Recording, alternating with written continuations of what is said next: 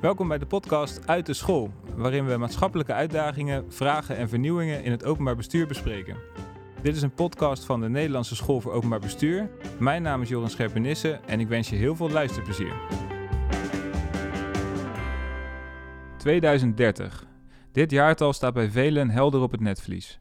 Het is de deadline voor veel van de grote internationale klimaatambities. De klimaatdoelen zijn fors en de ambities van de energietransitie misschien nog wel groter. Niet alleen minder CO2-uitstoot, maar naar een heel nieuw duurzaam energiesysteem. Ondertussen stijgen de energieprijzen enorm, ontstaat er energiearmoede en moet de staat bijspringen. Deze podcast gaat over de uitdagingen en ambities van de energietransitie en de manier waarop die zijn te behalen. Dat doen we naar aanleiding van het essay De stroom zoeken. De energietransitie bezien vanuit ecosysteemperspectief. Ik zit aan tafel met twee van de auteurs van het essay. Martijn van der Steen van de NSOB en hoogleraar aan de Erasmus Universiteit. En Maarten Otto, CEO van netwerkbedrijf Alliander. Nou, ik wil graag even letterlijk dicht bij huis beginnen. Uh, ik ga binnenkort zelf verhuizen. Mijn nieuwe huis komt uit 1915. Uh, en ik moet zeggen, het is nog niet bepaald uh, duurzaam. Ja, vroeger maakte je dan vooral zorgen als je ging verhuizen over de hypotheek en krijg dat financieel allemaal rond. Dat is nog steeds zo natuurlijk. Maar tegenwoordig ja, komt daar misschien nog wel een groter probleem bij. Ga ik die energierekening nog wel kunnen betalen? Wat wordt dat eigenlijk? Uh, dus dat is eigenlijk mijn grootste zorg nu met verhuizen. Uh, ik ben ook wel benieuwd hoe dat bij jullie zit. Martijn, jij gaat volgens mij ook binnenkort verhuizen. Ja, het kan altijd erger. Ik ga verhuizen naar een huis uit 1910. en, uh, nog. Um, en uh, um, ja, met deels ook nog enkel glas en zo. En, uh, dus ik herken heel erg het beeld van... ik was heel blij met de hypotheek. En toen bedacht ik me ineens wat de energierekening zou worden. En toen, toen was ik even zenuwachtig. En... Maar ja, het zet aan de andere kant ook wel aan tot, ja, tot oplossingen. Dus we zijn nu aan het nadenken van... oké, hoe zou je deels anders met gebruik om kunnen gaan... Maar ook hoe, uh, nou, kun je zo'n oud huis toch zonder panelen aanleggen en zo. En, uh, ja. Alleen, ja, dan dicht bij huis blijven, dan kom je wel meteen ook bij een groot probleem. Want we proberen nu maar zonnepanelen te bestellen ja. of te laten leggen. En, ja, die materialen zijn niet te krijgen, de mensen zijn niet te vinden. kan het doen, ja. Dus dan zie je ineens wel van, oh ja. Ja, herkenbaar. Ja. Ja, ja. Uh, wel leuk om naar al die nieuwe oplossingen te ja, kijken. Toch? Ja, dat zeker. Wel, ja. ja. En Maarten, hoe is het voor jou? Uh, ja, het geldt eigenlijk een beetje hetzelfde voor. Dus wij, uh, wij hebben een, een, huis uit 1950 en daar wonen we nu vijf jaar. En wij waren al, zeg maar, we hadden toen we dit kochten, we wonen nu een jaar vijf, hadden we voorzien dat we moeten gaan verduurzamen. Dus daar hebben we een plan van gemaakt. En daar gaan we deze, deze winter mee starten. Dus in november heeft de aannemer tijd. En dat is natuurlijk ook nog eens een een vraag uh, tegenwoordig. Dus ja. uh, dan gaan we starten met het uh, isoleren van het huis en het, het, het, aanleggen van de, het aanbrengen van de zonnepanelen en dat soort dingen. Ja, dus jullie, de, de grote verbouwing bij jullie gaat eraan komen nu met de, ja. de verduurzaming. Ja, zeker.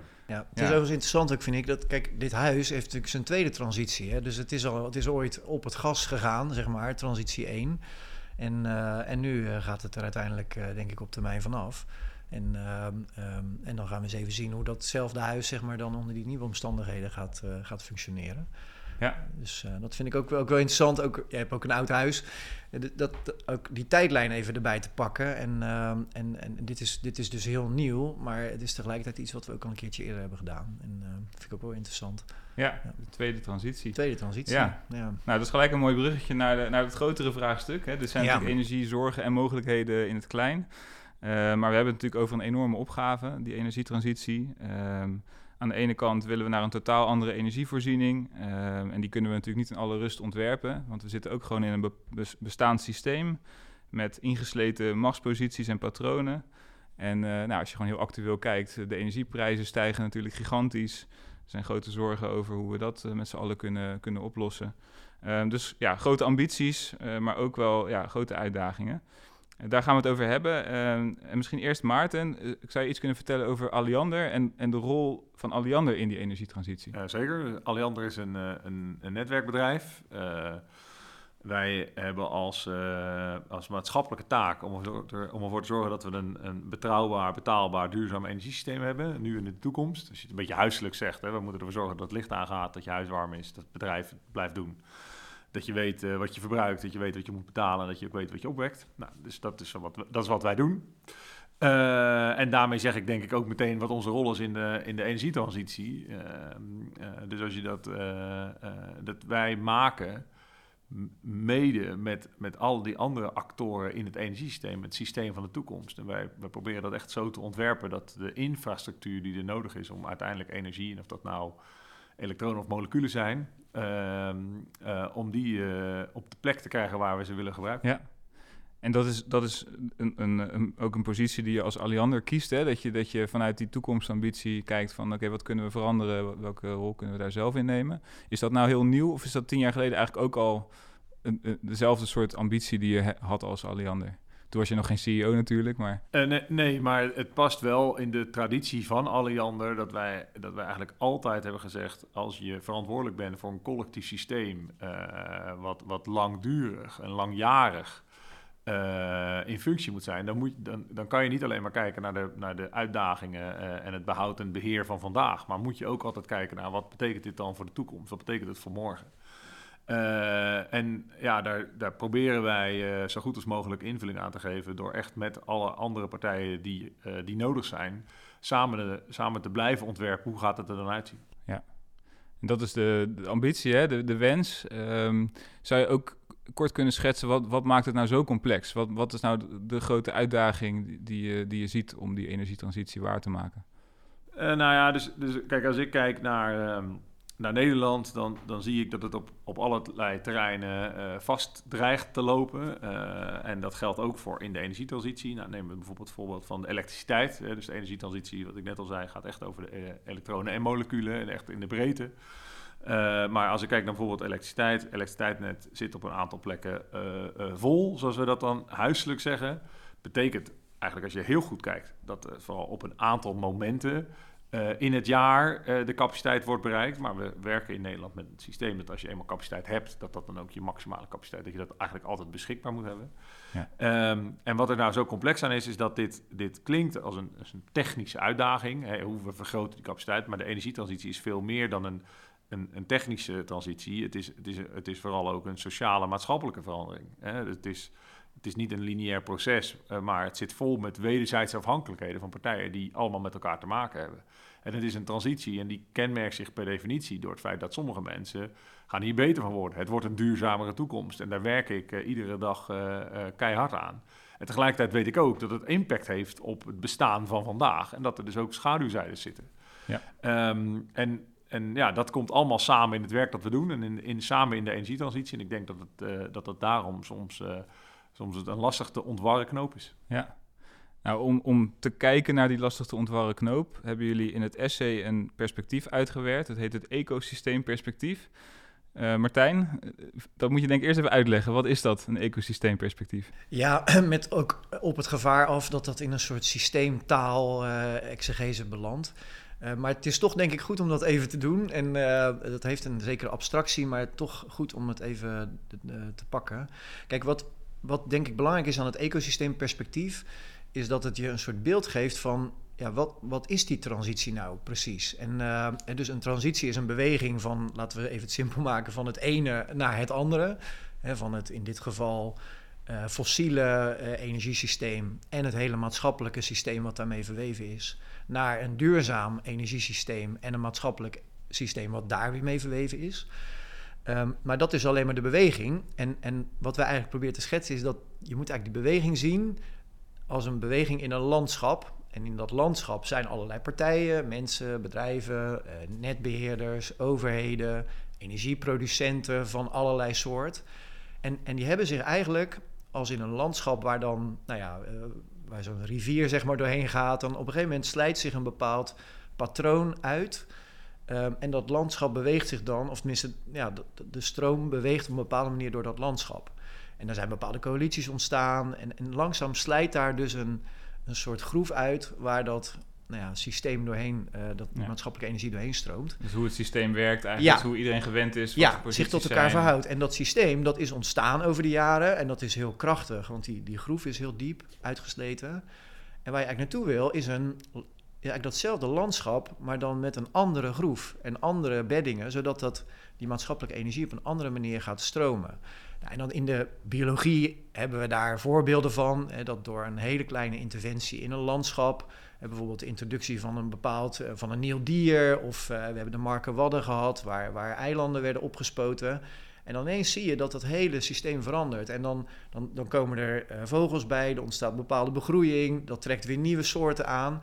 Ja, en dat is bij de Markenwadden gebeurd, toch? Dit is bij de even als voorbeeld goed om even Ja, dit is bij de Markenwadden gebeurd. Dat was een, een, een, eigenlijk een, een ecologisch heel arm landschap. Daar is op een gegeven moment zijn daar kunstmatig een aantal uh, uh, eilanden opgespoten. En dat maakt vervolgens dat eigenlijk in die, op die eilanden is een heel nieuw en heel rijk uh, flora en fauna ontstaan. Dat trekt dan vogels aan, die, die, die zorgen weer dat er nieuwe soorten komen. En daar is nu een heel rijk ja, natuurgebied eigenlijk ontstaan. En het grappige is, dat is gemaakte natuur.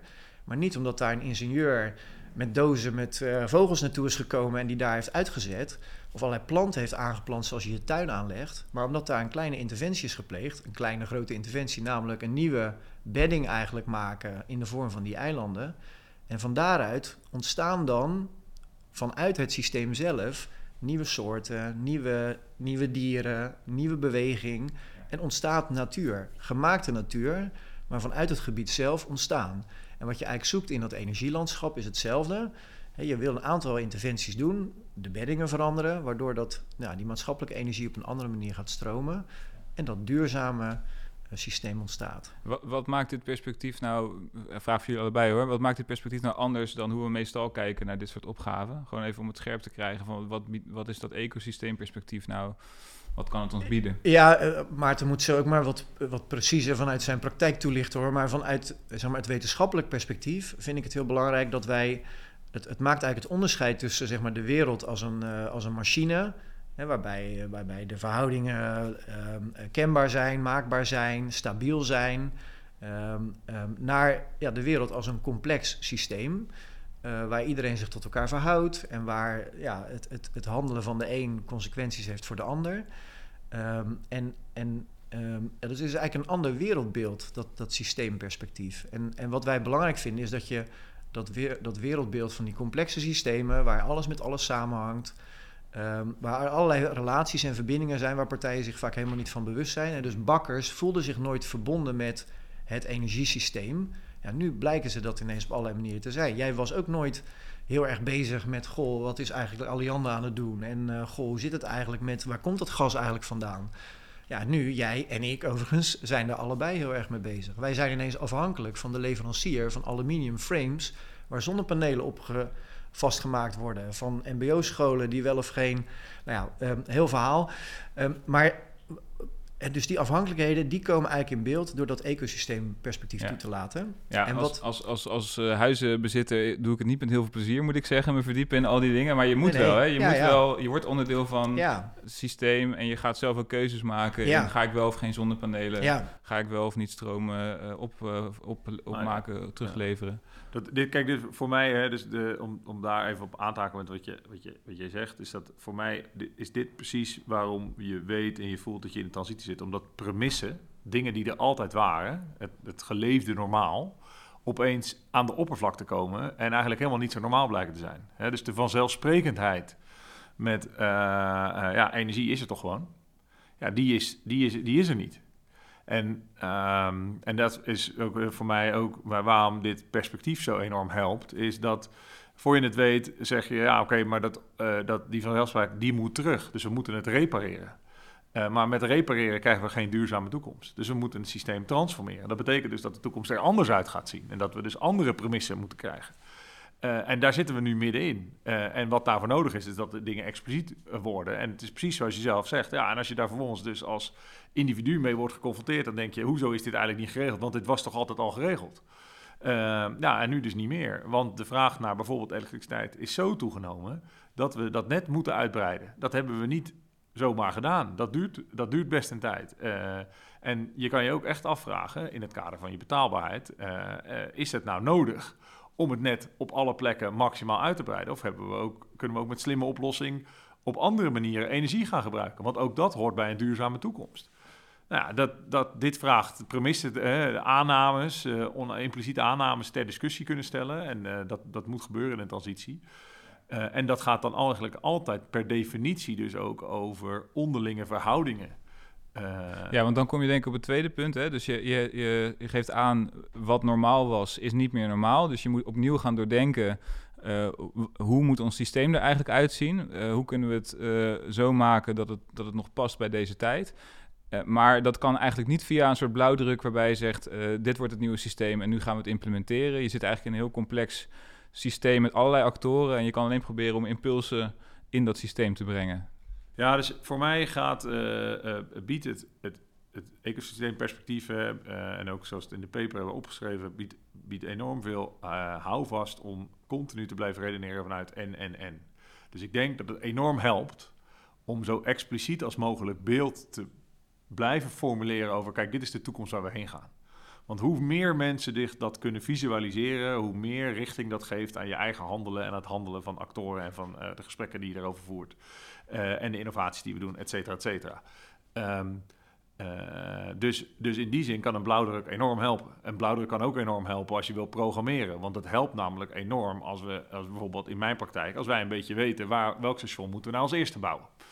Uh, en laten we dat dan bouwen op de plek waar we het meeste nodig hebben of waarvan we zien dat de ontwikkeling het snelst gaat. Uh, dus daar helpt, helpt het enorm. Deels moet je kunnen plannen en je afspraken moet, maken. Dus, ja. dus dat is, um, um, maar wat, het, wat, het, wat ik zo mooi vind aan, de, aan het, het, het perspectief wat we ehm, wat we hebben onderzocht en eigenlijk ook hebben geformuleerd, is dat er daarnaast, en dat weten we natuurlijk uit de transitiekunde, uh, dat, dat, er daarnaast ook nog allerlei andere dingen nodig zijn. En dat je dus niet alleen maar kan vasthouden, ja, het staat niet in de planning, dus het gebeurt niet.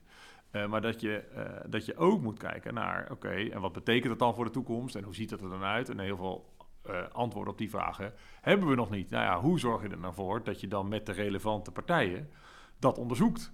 dat er ruimte komt, dat je het los kan laten, dat je, dat je niet gaat zitten wachten op elkaar, maar dat je initiatief neemt. Dat je niet redeneert vanuit, ja, maar ik, uh, het is van mij, dus jullie gaan er niet over. Of uh, het is niet van mij, dus ik ga er niks aan doen. Naar, nee, als we hier naartoe willen, dan hebben we allemaal vanuit wat we kunnen, hebben we iets toe te voegen. Um, nou, dus daar gaat voor mij ook dat, dat ecosysteem heel erg over. Over, over zie je nou wat je kan bijdragen? Uh, en kan je die bijdrage ook realiseren om, zoals Martijn dat noemt, om, om, om de bedding te verleggen? Ja. Ja, want een belangrijk idee in het, in het essay is um, van A naar B via B. Hè? Dus dat je eigenlijk vanuit een ander toekomstbeeld gaat kijken ook naar wat zijn de voorwaarden om daar te komen en, en wat is de beweging om daar te komen. Um, komen we zo bij die beweging en, en de bedding verleggen, maar misschien eerst even die B, die, die toekomst. Um, want uh, een veranderend ecosysteem houdt misschien ook in dat er andere partijen mee mogen denken daarover. Uh, hoe, hoe is dat eigenlijk, hoe, als we het concreet maken, wie mag daarover meepraten? Hoe organiseer je dat? Is dat het klassieke model van, van democratie en, en besluitvorming daar? En dan, dan, dan wordt het in de sector geïmplementeerd? Of ziet dat er heel anders uit? Nee, nee ik, ik denk dat. Hè, dus wat ik zie in de praktijk is dat er, dat er enorm veel partijen ehm, aan het werk zijn om die duurzame toekomst ook daadwerkelijk voor elkaar te krijgen. Dat zijn niet alleen de, de instituten van het oude energiesysteem, eh, ecosysteem uh, en het, het oude energiesysteem, om nog preciezer te zijn. Dus daar zit enorm veel ruimte. Tegelijkertijd hebben we de afgelopen jaren ook absoluut allerlei governance discussies gehad over wie mag dat nou wel en wie mag dat nou niet en wie moet dan waar de rol, eh, welke rol pakken. Uh, en heb ik ook zelf bijvoorbeeld best wel lang geroepen: ja, maar het, het, Rijk moet nu de regie nemen. En ik heb geleerd dat op een aantal dimensies dat absoluut zo is. Dus ik ben enorm blij dat uh, bijvoorbeeld het Nationaal Plan Energiesysteem, waar uh, minister Jet aan werkt, dat, dat, dat, dat dat er gaat komen. Want dat plan dat gaat een beeld geven over dit is het energiesysteem van de toekomst. En daar wordt door heel veel actoren innovators, start-ups, bestaande partijen aan meegedacht. En dat, dat leidt tot een soort van schets, een soort contour, want zo gaat het eruit zien. En het is heel goed dat dat onder aanvoering van het ministerie gebeurt, omdat daarmee ook de autoriteit wordt gewaarborgd op die richting. Tegelijkertijd ehm, zijn er ook uh, ja, nieuwe markttoetreders die tegen ons zeggen: Goh, kan je ons, niet wat meer data geven? Want dan kunnen wij ook nog deze, deze, deze diensten doen. Nou, dan zeggen we nee, dat kan nog niet, want dat staat de regulering niet toe. Hè? Dus dat gaat over privacybescherming bijvoorbeeld. Um, uh, maar wat we wel kunnen doen, is een gesprek met de ACM organiseren, waarin we gaan laten zien: Goh, dit kan er ook als we die data ontsluiten. Hoe kunnen we dat nou op zo'n manier doen? Dat de consument wel goed beschermd blijft, dat die privacywaarde, dat vinden we belangrijke waarden, daar willen we niet aan tornen. En tegelijkertijd dat je die innovatie mogelijk maakt. Dus, dus, dus in de praktijk zie ik dat er op heel veel plekken in verschillende coalities wordt gekeken, oké, hoe brengen we dit nou verder? En ik denk dat dat onwijs goed is om te omarmen. Ja, ik vind het belangrijk, dus die, die sturingsvraag, die, die, die vraag van wie zit er nou aan tafel bij het, het, het nadenken over hoe B eruit gaat zien en hoe we daar naartoe komen, die is heel belangrijk.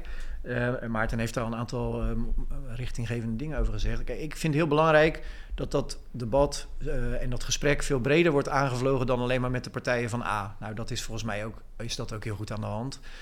Ja, dus uh, uh, je, je, wil echt op zoek naar wat zijn nou de partijen die in dat, zeg maar, die nieuwe verhouding in dat ecosysteem centraal komen te staan. En die wil je aan tafel hebben. En, uh, en wat voor partijen zijn dat? Nou ja, dat, dat is een heel ingewikkelde vraag, omdat we ook niet precies weten wat B is. Alleen ik vind bijvoorbeeld heel belangrijk dat je, je kunt aan, aan de, met een weet je, oneerbiedig gezegd, de techneuten vragen om dat energiesysteem van de toekomst uit te tekenen. En dan maken ze een prachtige kaart, staat alles op. Maar heel veel van die energie uh, vragen, die hebben ruimtelijk beslag, wat bijvoorbeeld bij gemeenten ligt.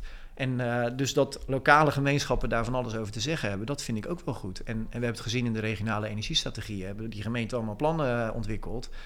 Soms in heel veel samenspraak met de gemeenschap, soms in wat minder. Ja, er zijn allemaal dingen uitgekomen die ik denk vanuit het perspectief van de netbeheerder vaak ook heel lastig zijn.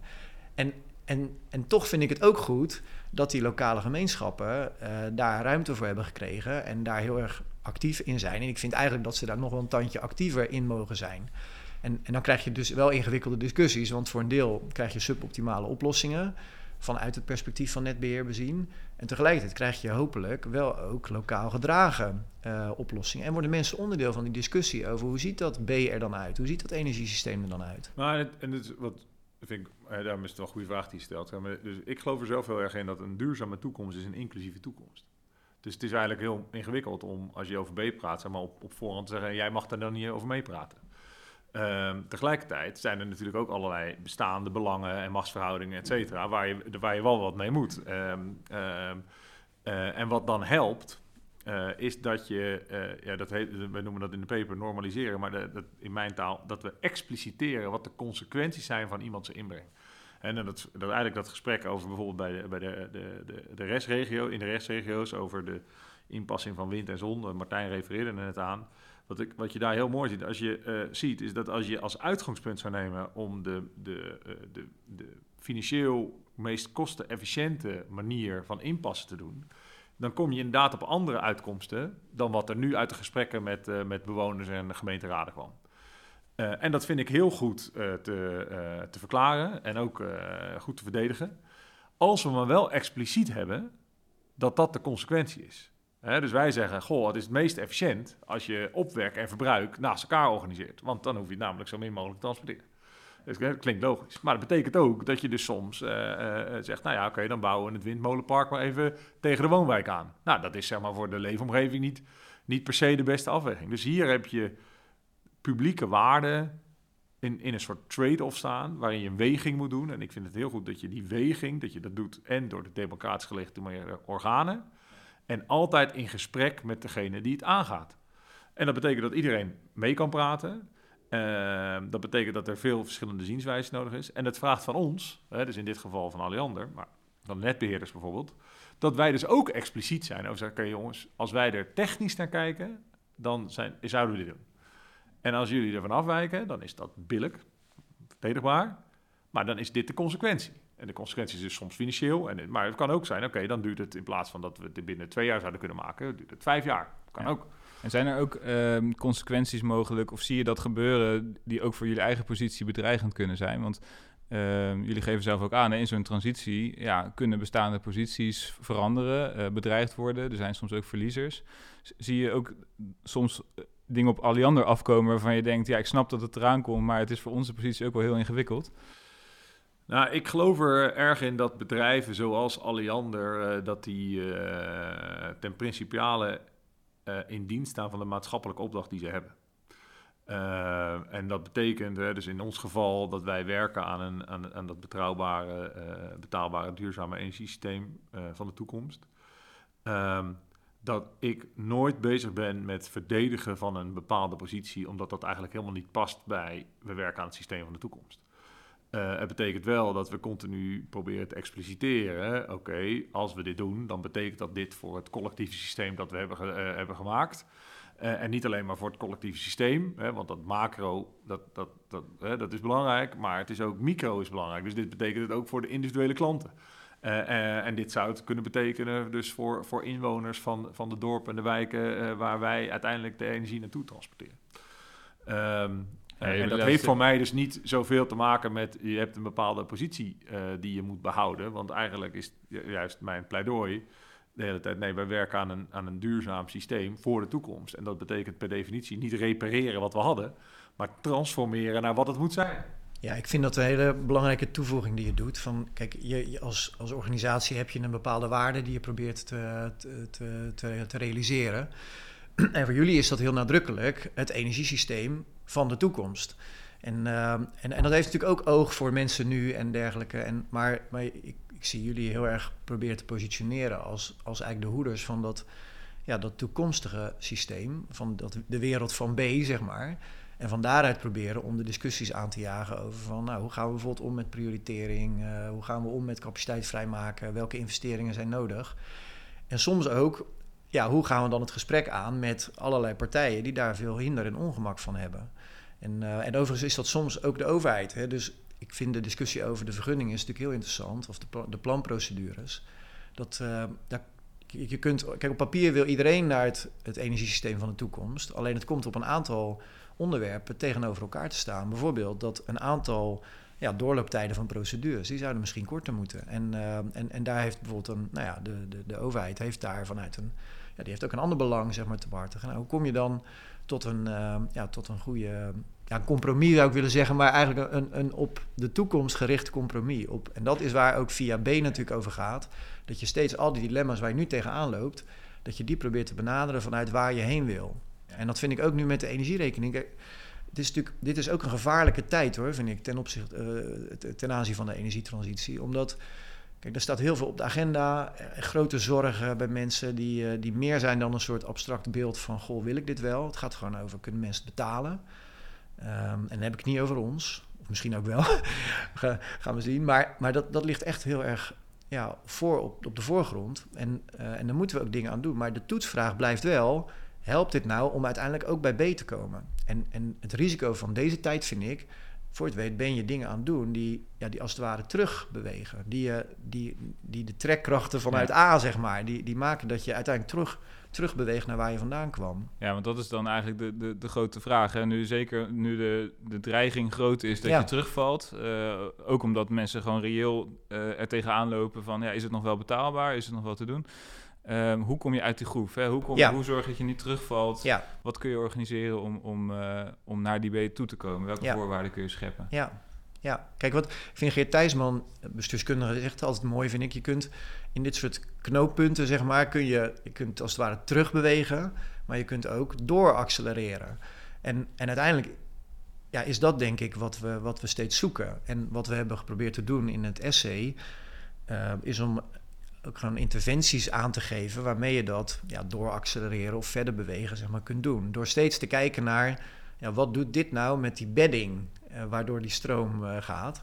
En, nou, en je kunt dus maatregelen verzinnen waarbij je de bedding eigenlijk een beetje verlegt.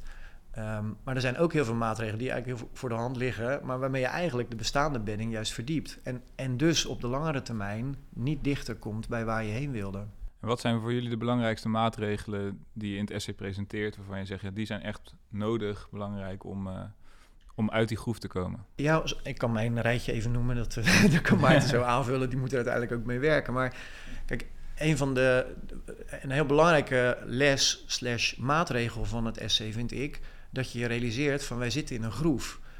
dus dat energiesysteem is niet een soort aangeboren energiesysteem, wat, uh, ja, dat is nou eenmaal de natuurlijke toestand in de wereld. Uh, nee, dat is gemaakt. Dus dat is er geworden, dat is er gekomen, dat is geworden. Um, um, en even dat realiseren van het is een, het is een bedding, het is een groef. Uh, dat vind ik al een heel belangrijk beeld. En dat past denk ik in het kopje bewustwording.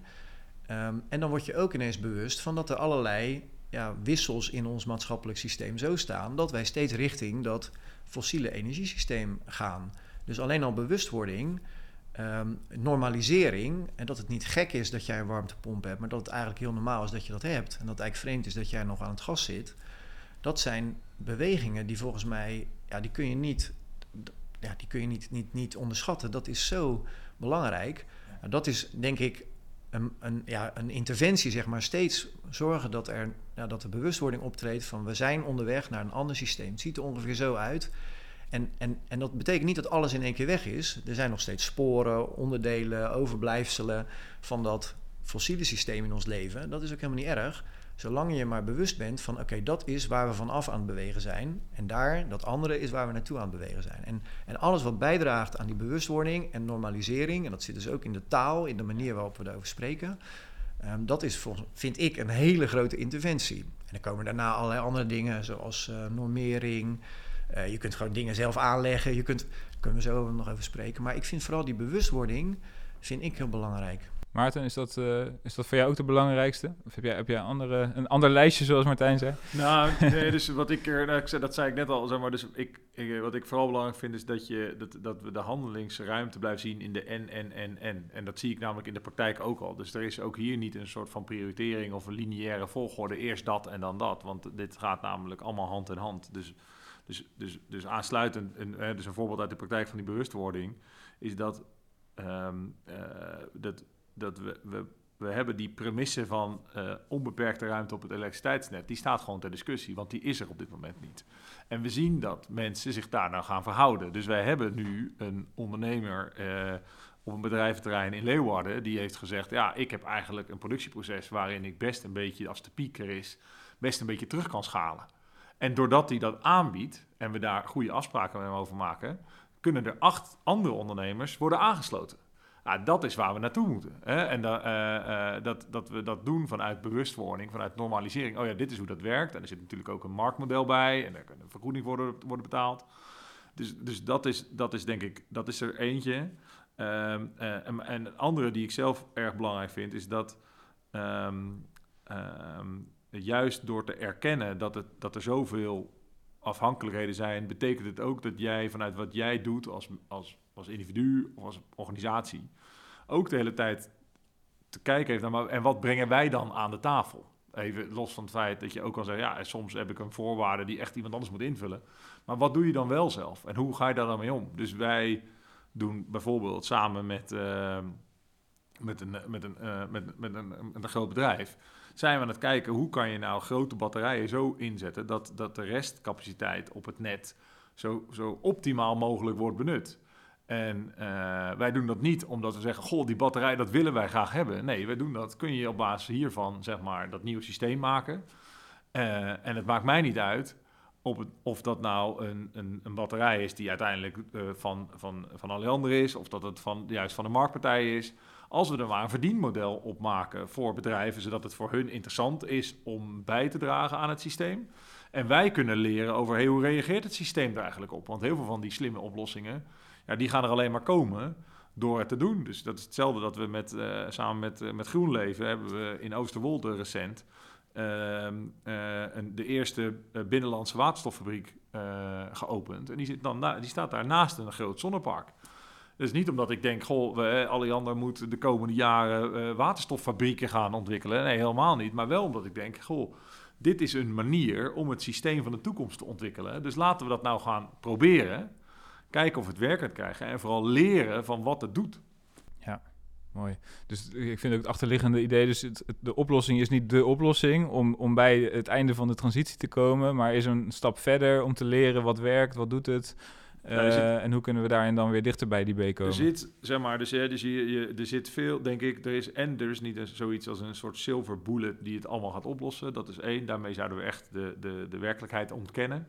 Uh, en er zit uh, ik denk ook dat, je, dat er een, een soort overschatting is van, van wat je technocratisch zou kunnen ontwerpen. Dus ik denk dat het heel goed is om zo goed als mogelijk na te denken... goh, wat zijn nou onze hypotheses en wat gaan we dan doen? En dat, dat het vooral nodig is omdat je, zodra je dat uh, zo overdraagbaar mogelijk maakt... als dat het kan zijn, hè, dus zo, zo goed als mogelijk nagedacht... dan heb je de beste uh, kans op goede reflectie over wat doet het nou wel en wat doet het nou niet? En dan kan je blijven leren in het systeem. Dat, dat iteratieve, dat zit voor mij heel erg in de transitie. En dan kan je, eh, zoals ik net heb geleerd, eh, kan je door eh, accelereren op het moment dat je weet, voelt, hé, hey, maar dit werkt eigenlijk niet. We moeten er doorheen. En hoe kom je hier nou doorheen? Door toekomstgericht te blijven kijken en de hele tijd te zoeken naar, oké, dit is wat wij kunnen bijdragen. Ja, en dit laten we los. Of we vragen aan anderen of zij wat kunnen loslaten zodat het zeg maar verder komt. Ja, ik vind dit, eh, ook dat iteratief is natuurlijk heel mooi en het, het, stapje en zo. Alleen dat eerste stapje moet wel dus de goede richting in zijn. En, en dat is natuurlijk de essentie, vind ik, van dat, van dat idee van de stroom zoeken, eh, de titel van het essay. En, en het beeld van de bedding en de stroming, dat uiteindelijk moet je die bedding verleggen. En uh, het voorbeeld wat Maarten aanhaalt, dat is, vind ik, een heel mooi voorbeeld. Namelijk, Waar het nou precies eindigt, weet je niet. Eh, maar je, je stapt wel zeg maar, de goede kant op. En van daaruit ga je kijken waar, waar dat pad je brengt. En het kan overigens ook zijn, dan zal het ook gaan, dat heel veel paden je uiteindelijk nergens brengen. En, uh, uh, want of dat het toch tegenvalt of gewoon iets minder is dan je had gedacht. Um, maar het, het gaat natuurlijk wel om dat je steeds wel dan je neus in de goede richting zet. En, uh, en, en dat is denk ik heel belangrijk, ook voor beleidsmakers in deze periode, aan overheidstafels, maar ook bij bedrijven, maar ook voor individuele consumenten. Dat je je steeds afvraagt van zetten we nou, eh, in welke, in welke bedding uh, leg ik nou neer en, en, vanuit welke bedding ga ik nou bewegen. En, uh, en, en, ja, dat is wel een, een groot vraagstuk. Dus dat je, ja. dat je steeds afvraagt, wat draagt dit nou bij aan de bedding? En, uh, en helpt dit ons nou om richting B te gaan bewegen? Of zitten we nu toch weer een beetje rond te draaien in A? En de hele discussie bijvoorbeeld over gas als transitiebrandstof.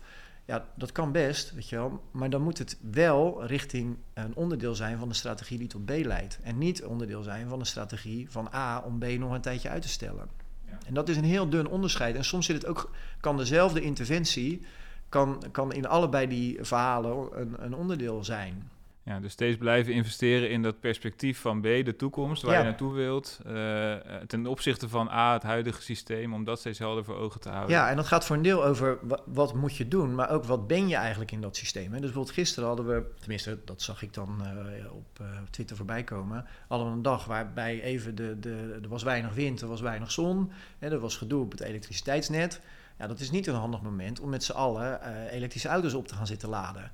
En um, en, en op dat moment realiseer je, ik heb een elektrische auto, van ik ben niet alleen maar afnemer van dat product, wat dan 24/7 in gelijke mate beschikbaar is, maar ik ben in zekere zin ook medeproducent van een duurzaam energiesysteem. Door mijn eigen gedrag een heel klein beetje aan te passen op wat dat systeem op dat moment nodig heeft. En, en, en, en dat is niet een soort, oh, we gaan het energiesysteem helpen of zo, hè, te hulp schieten. Het is, je bent onderdeel van dat systeem.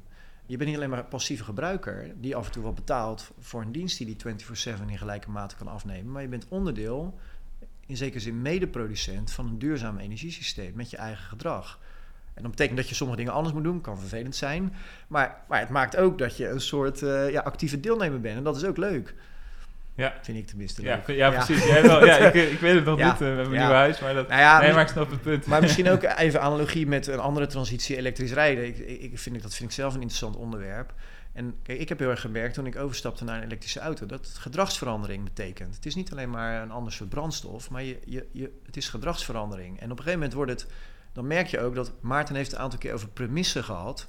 Ja, heel veel dingen, er zit al een soort premissen in je hoofd, die eigenlijk heel raar zijn. Dus ik merkte, met een elektrische auto sta je heel vaak bij een laadpaal die dan uh, 200, 300 meter bij je bestemming vandaan staat. Kan je eigen huis zijn of waar je naartoe gaat. Ik merkte ineens hoe raar het is dat je, ineens, dat je niet meer voor de deur parkeert, maar een stukje verderop. Nou, dat ver, vereist even gedragsverandering, totdat je ineens realiseert van wat is er nou mis met 300 meter lopen? Tenminste, ik ben een gezond persoon, ik kan prima 300 meter lopen. Mensen lopen ommetjes om stappen te maken. En dan zie je ineens dat heel veel van de manier waarop wij ons bewegen door het systeem is een premisse, is een soort aangeleerd gedrag, een idee over wat normaal is. Nou, transitie vereist vaak dat die normaal beelden veranderen. En als je die eenmaal dan toelaat, ja, dan blijken dat eigenlijk ook hele prima, normale, uh, goede beelden te zijn. En, en, dus het voelt als een. De verandering is vooral dat je even je oude gedrag moet afleren. Een nieuw normaal moet eigen maken. Maar dat nieuwe normaal is heel comfortabel. Daar is heel weinig mis mee. Er is heel veel mee te winnen ook eigenlijk. Ja, heel veel mee te winnen. Ja. Mooi. We gaan richting een afronding van het gesprek. Um, ik heb voor jullie allebei nog een laatste vraag. Martijn, ja, het is misschien een beetje een, uh, een flauwe vraag, maar ik vind hem dat ik hem toch moet stellen. Oh. nou, kom erop. jullie, uh, ja. het is een ecosysteemperspectief. Ja. Een perspectief op de transitie. Ja, ja. Uh, dan moeten we natuurlijk altijd oppassen dat we het perspectief niet ver, ver, ver, verwarren met hoe het echt is. Dus wat zijn de nadelen van dit perspectief? Wat zien we niet als we dit perspectief hanteren? Ja, nou, eh, dan, om die vraag nog maar even ook op een metaniveau te beantwoorden. Je, je, zei het zelf net al een beetje. De map is not the territory. Dus dit is een kaart van het gebied, maar daarmee hebben wij niet het gebied in, in kaart gebracht. Dus het eerste, de eerste valkuil van het perspectief is dat je denkt van, oh ja, dat is het. De wereld is een, is een groef en daar stroomt van alles doorheen. Je moet het perspectief, het is een, een manier van kijken. Het is een taal, Um, en en die, die kan je heel veel brengen. Ik denk dat je wel moet opletten dat je, hem, eh, dat je er niet uh, in verliest. En dus, dus het is een perspectief. En dat perspectief is bedoeld om met elkaar het gesprek aan te gaan. En dat is wat we met dit essay in de hand moeten doen. Met elkaar in gesprek gaan over wat er nodig is. Vanuit dat perspectief, vanuit die taal. Uh, en dan het gesprek voeren. Maar dit essay is niet bedoeld als een, een, een, een, een boekwerk waarmee je het gesprek beëindigd is, want nu weten we wat het is. Nee, je moet juist het gesprek ermee aangaan. Is het, is het alleen meer taal of is er ook een gevaar als je alleen deze taal gebruikt? Is het ook een gevaar als je alleen dit perspectief Nou, een gevaar zou kunnen zijn, maar, maar ik vind dat is in de handen van de gebruiker. En, en ik heb het idee dat, nou ja, bij mensen als Maarten is dat, uh, is dat in goede handen. Is dat je bijvoorbeeld denkt dat er niks meer te plannen is. Dat vind ik ook best wel een risico in veel gesprekken over de transitie. Dat wij zoeken heel erg de, de gelaagdheid tussen aan de ene kant laten zien van het is niet helemaal zeker waar het heen gaat. Um, maar dat moet niet doorslaan in we weten helemaal niks meer zeker of we kunnen niks meer plannen. Sterker nog, er zijn heel veel dingen die, die moet je plannen, maar dat kan ook gewoon. Ja. En, dus het is voor een deel ja, dus de onzekerheid toestaan en tegelijkertijd ook dingen doen. En, eh, want de onzekerheid en de complexiteit zit niet in alles. Er zijn dingen wel planbaar, wel zeker. Ja, Maarten, wil je dus- reageren? Ik heb nog een andere vraag voor jou. Ja, nou, nee, dus, maar wat ik er mooi aan vind is, de, dus, dus, dus waar, wij, uh, ik ben het zeer met, met Martijn eens, dus dit is niet, het, dit is niet een, een, een, een taal die maakt dat je dus maar gewoon moet gaan zitten en moet maar gewoon moet gaan wachten, want het gaat ons allemaal overkomen. Sterker nog, dit is juist een taal die oproept tot intentioneel handelen. En daarbij je aanzet, voor mij, hè, dat je ook een aantal uh, uh, reacties of interacties hebt te tolereren. Dus je hebt te tolereren dat het onzeker is. Je hebt te tolereren dat je, dat, dat je niet het helemaal uitgedacht krijgt voordat je gaat beginnen.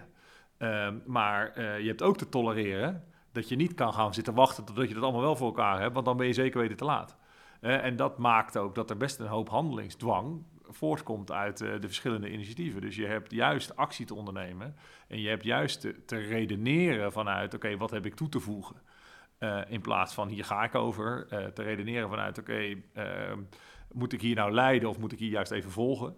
Eh, je hebt hier ehm, te, te zorgen dat je, dat je open staat voor de feedback, maar dat altijd kan uh, definiëren of kan redeneren vanuit... oké, dus dit waren mijn aannames. Blijkbaar kloppen die aannames niet. Dan stel ik dit bij en dan is mijn volgende stap dit. Dus dit, er zit heel veel toekomstgerichtheid in. Dan mijn laatste vraag aan jou. Uh, we gaan even weer terug naar die rol van de burger. Eigenlijk waar we mee begonnen. Ik vertelde dat ik ging verhuizen naar een huis dat langer dan een eeuw oud is. Martijn ook, hoor ik net. Um, en breder is natuurlijk een vraag ook naar... wat is nou de rol van de burger in deze transitie. Hè? Want het gaat voor een deel over overleg tussen georganiseerde partijen die zoeken naar hoe dat systeem anders in te richten is. Maar het raakt ook mensen heel direct. Uh, en ik denk dat iedereen zich ook wel afvraagt van ja, wat, is mijn, mijn eigen rol hierin of verantwoordelijkheid? Ja, ik vind het best aanmatigend om mezelf uh, te, degene te vinden die dat even definieert. Hè? Want dat is, dat is volgens mij niet hoe dit werkt. Um, we zijn allemaal onderdeel van, uh, van de duurzame toekomst. Uh, en dat betekent dat we dus allemaal uh, wat kunnen bijdragen. En in welke mate je dat wel of niet wilt doen, dat is wat mij betreft een particuliere afweging. Um, hoe dan ook, zal iedereen te maken krijgen met de consequenties. en dat zijn de consequenties in het klimaat, die het heel groot maakte, maar dat zijn ook gewoon de consequenties. En dan okay, wat betekent dit voor de komende 20 jaar, 15 jaar, voor, voor mijn huis of voor mijn wijk of voor, mijn, voor de regio waar ik in woon. Um, en daarin kan je um, zeggen, nou, ik, ik ben actief, dus ik ga dat uh, proberen mee te designen, mee te ontwerpen. Je kan ook voor zeggen, nou nee, ik kijk gewoon wat er afkomt en dan verhoud ik me daartoe. in beide gevallen gaat het leiden tot soms frustratie en soms vooruitgang. Hè? Dus dat is ook goed om te blijven, te blijven erkennen. Ehm, waar het voor mij vooral over gaat, is dat, dat, dat iedereen voor zichzelf de hele tijd probeert te definiëren: oké, wat kan ik hier nou wel of niet bijdragen? En ben ik er bereid toe om de consequenties van die bijdrage ook daadwerkelijk te dragen? Uh, dus als je gaat verbouwen, zorg ervoor dat je dat, dat, je dat op een duurzame manier doet. Uh, als je uh, in je wijk werkt aan allemaal zonnepanelen, kijk of het mogelijk is om de opwek zo, uh, zo neer te leggen dat je voorkomt dat bij de piek bij iedereen de zonnepanelen afschakelen. Maar dat ze uh, bijvoorbeeld door ze net in een andere uh, richting te leggen, dat je eigenlijk langer gebruik kan maken van de zon die er is. en dus netto niet zoveel verliest. en, en er wel voorkomt dat ze afschakelen op het moment dat de piekbelasting is. Um, zorg ervoor dat je je auto oplaadt op het moment dat er veel elektriciteit beschikbaar is. Uh, nou, et cetera, ja, dus et cetera. Ja, dus die hele coördinatie die je op nationaal niveau nodig hebt, internationaal heb je ook in die wijk nodig, ook heel lokaal. Nou ja, dus wat, je, wat, wat voor mij, zeg maar, ook in deze voorbeeld heel erg, uh, erg uh, manifest is, duidelijk wordt, is dat het is niet een soort grand scheme van dingen die helemaal zijn uitgedacht. Het zijn allemaal met elkaar interacterende systeempjes. handelingen van individuen die uiteindelijk het systeem maken. En dat, dat kan soms wat groots voelen. Maar voor mij is het ook heel positief, want dat betekent dat iedere handeling verschil kan maken. En dat betekent dus ook dat iedere burger verschil kan maken. Ik ga mijn best doen. Dankjewel, uh, dank jullie allebei uh, voor het gesprek. Dankjewel. Je luisterde naar een podcast van de Nederlandse School voor Openbaar Bestuur. Wij publiceren regelmatig over maatschappelijke vraagstukken en vernieuwingen binnen de overheid. Benieuwd naar meer van ons werk of onze opleidingen? Kijk dan op onze website, volg ons op LinkedIn of abonneer je op de nieuwsbrief. En blijf natuurlijk luisteren naar Uit de School.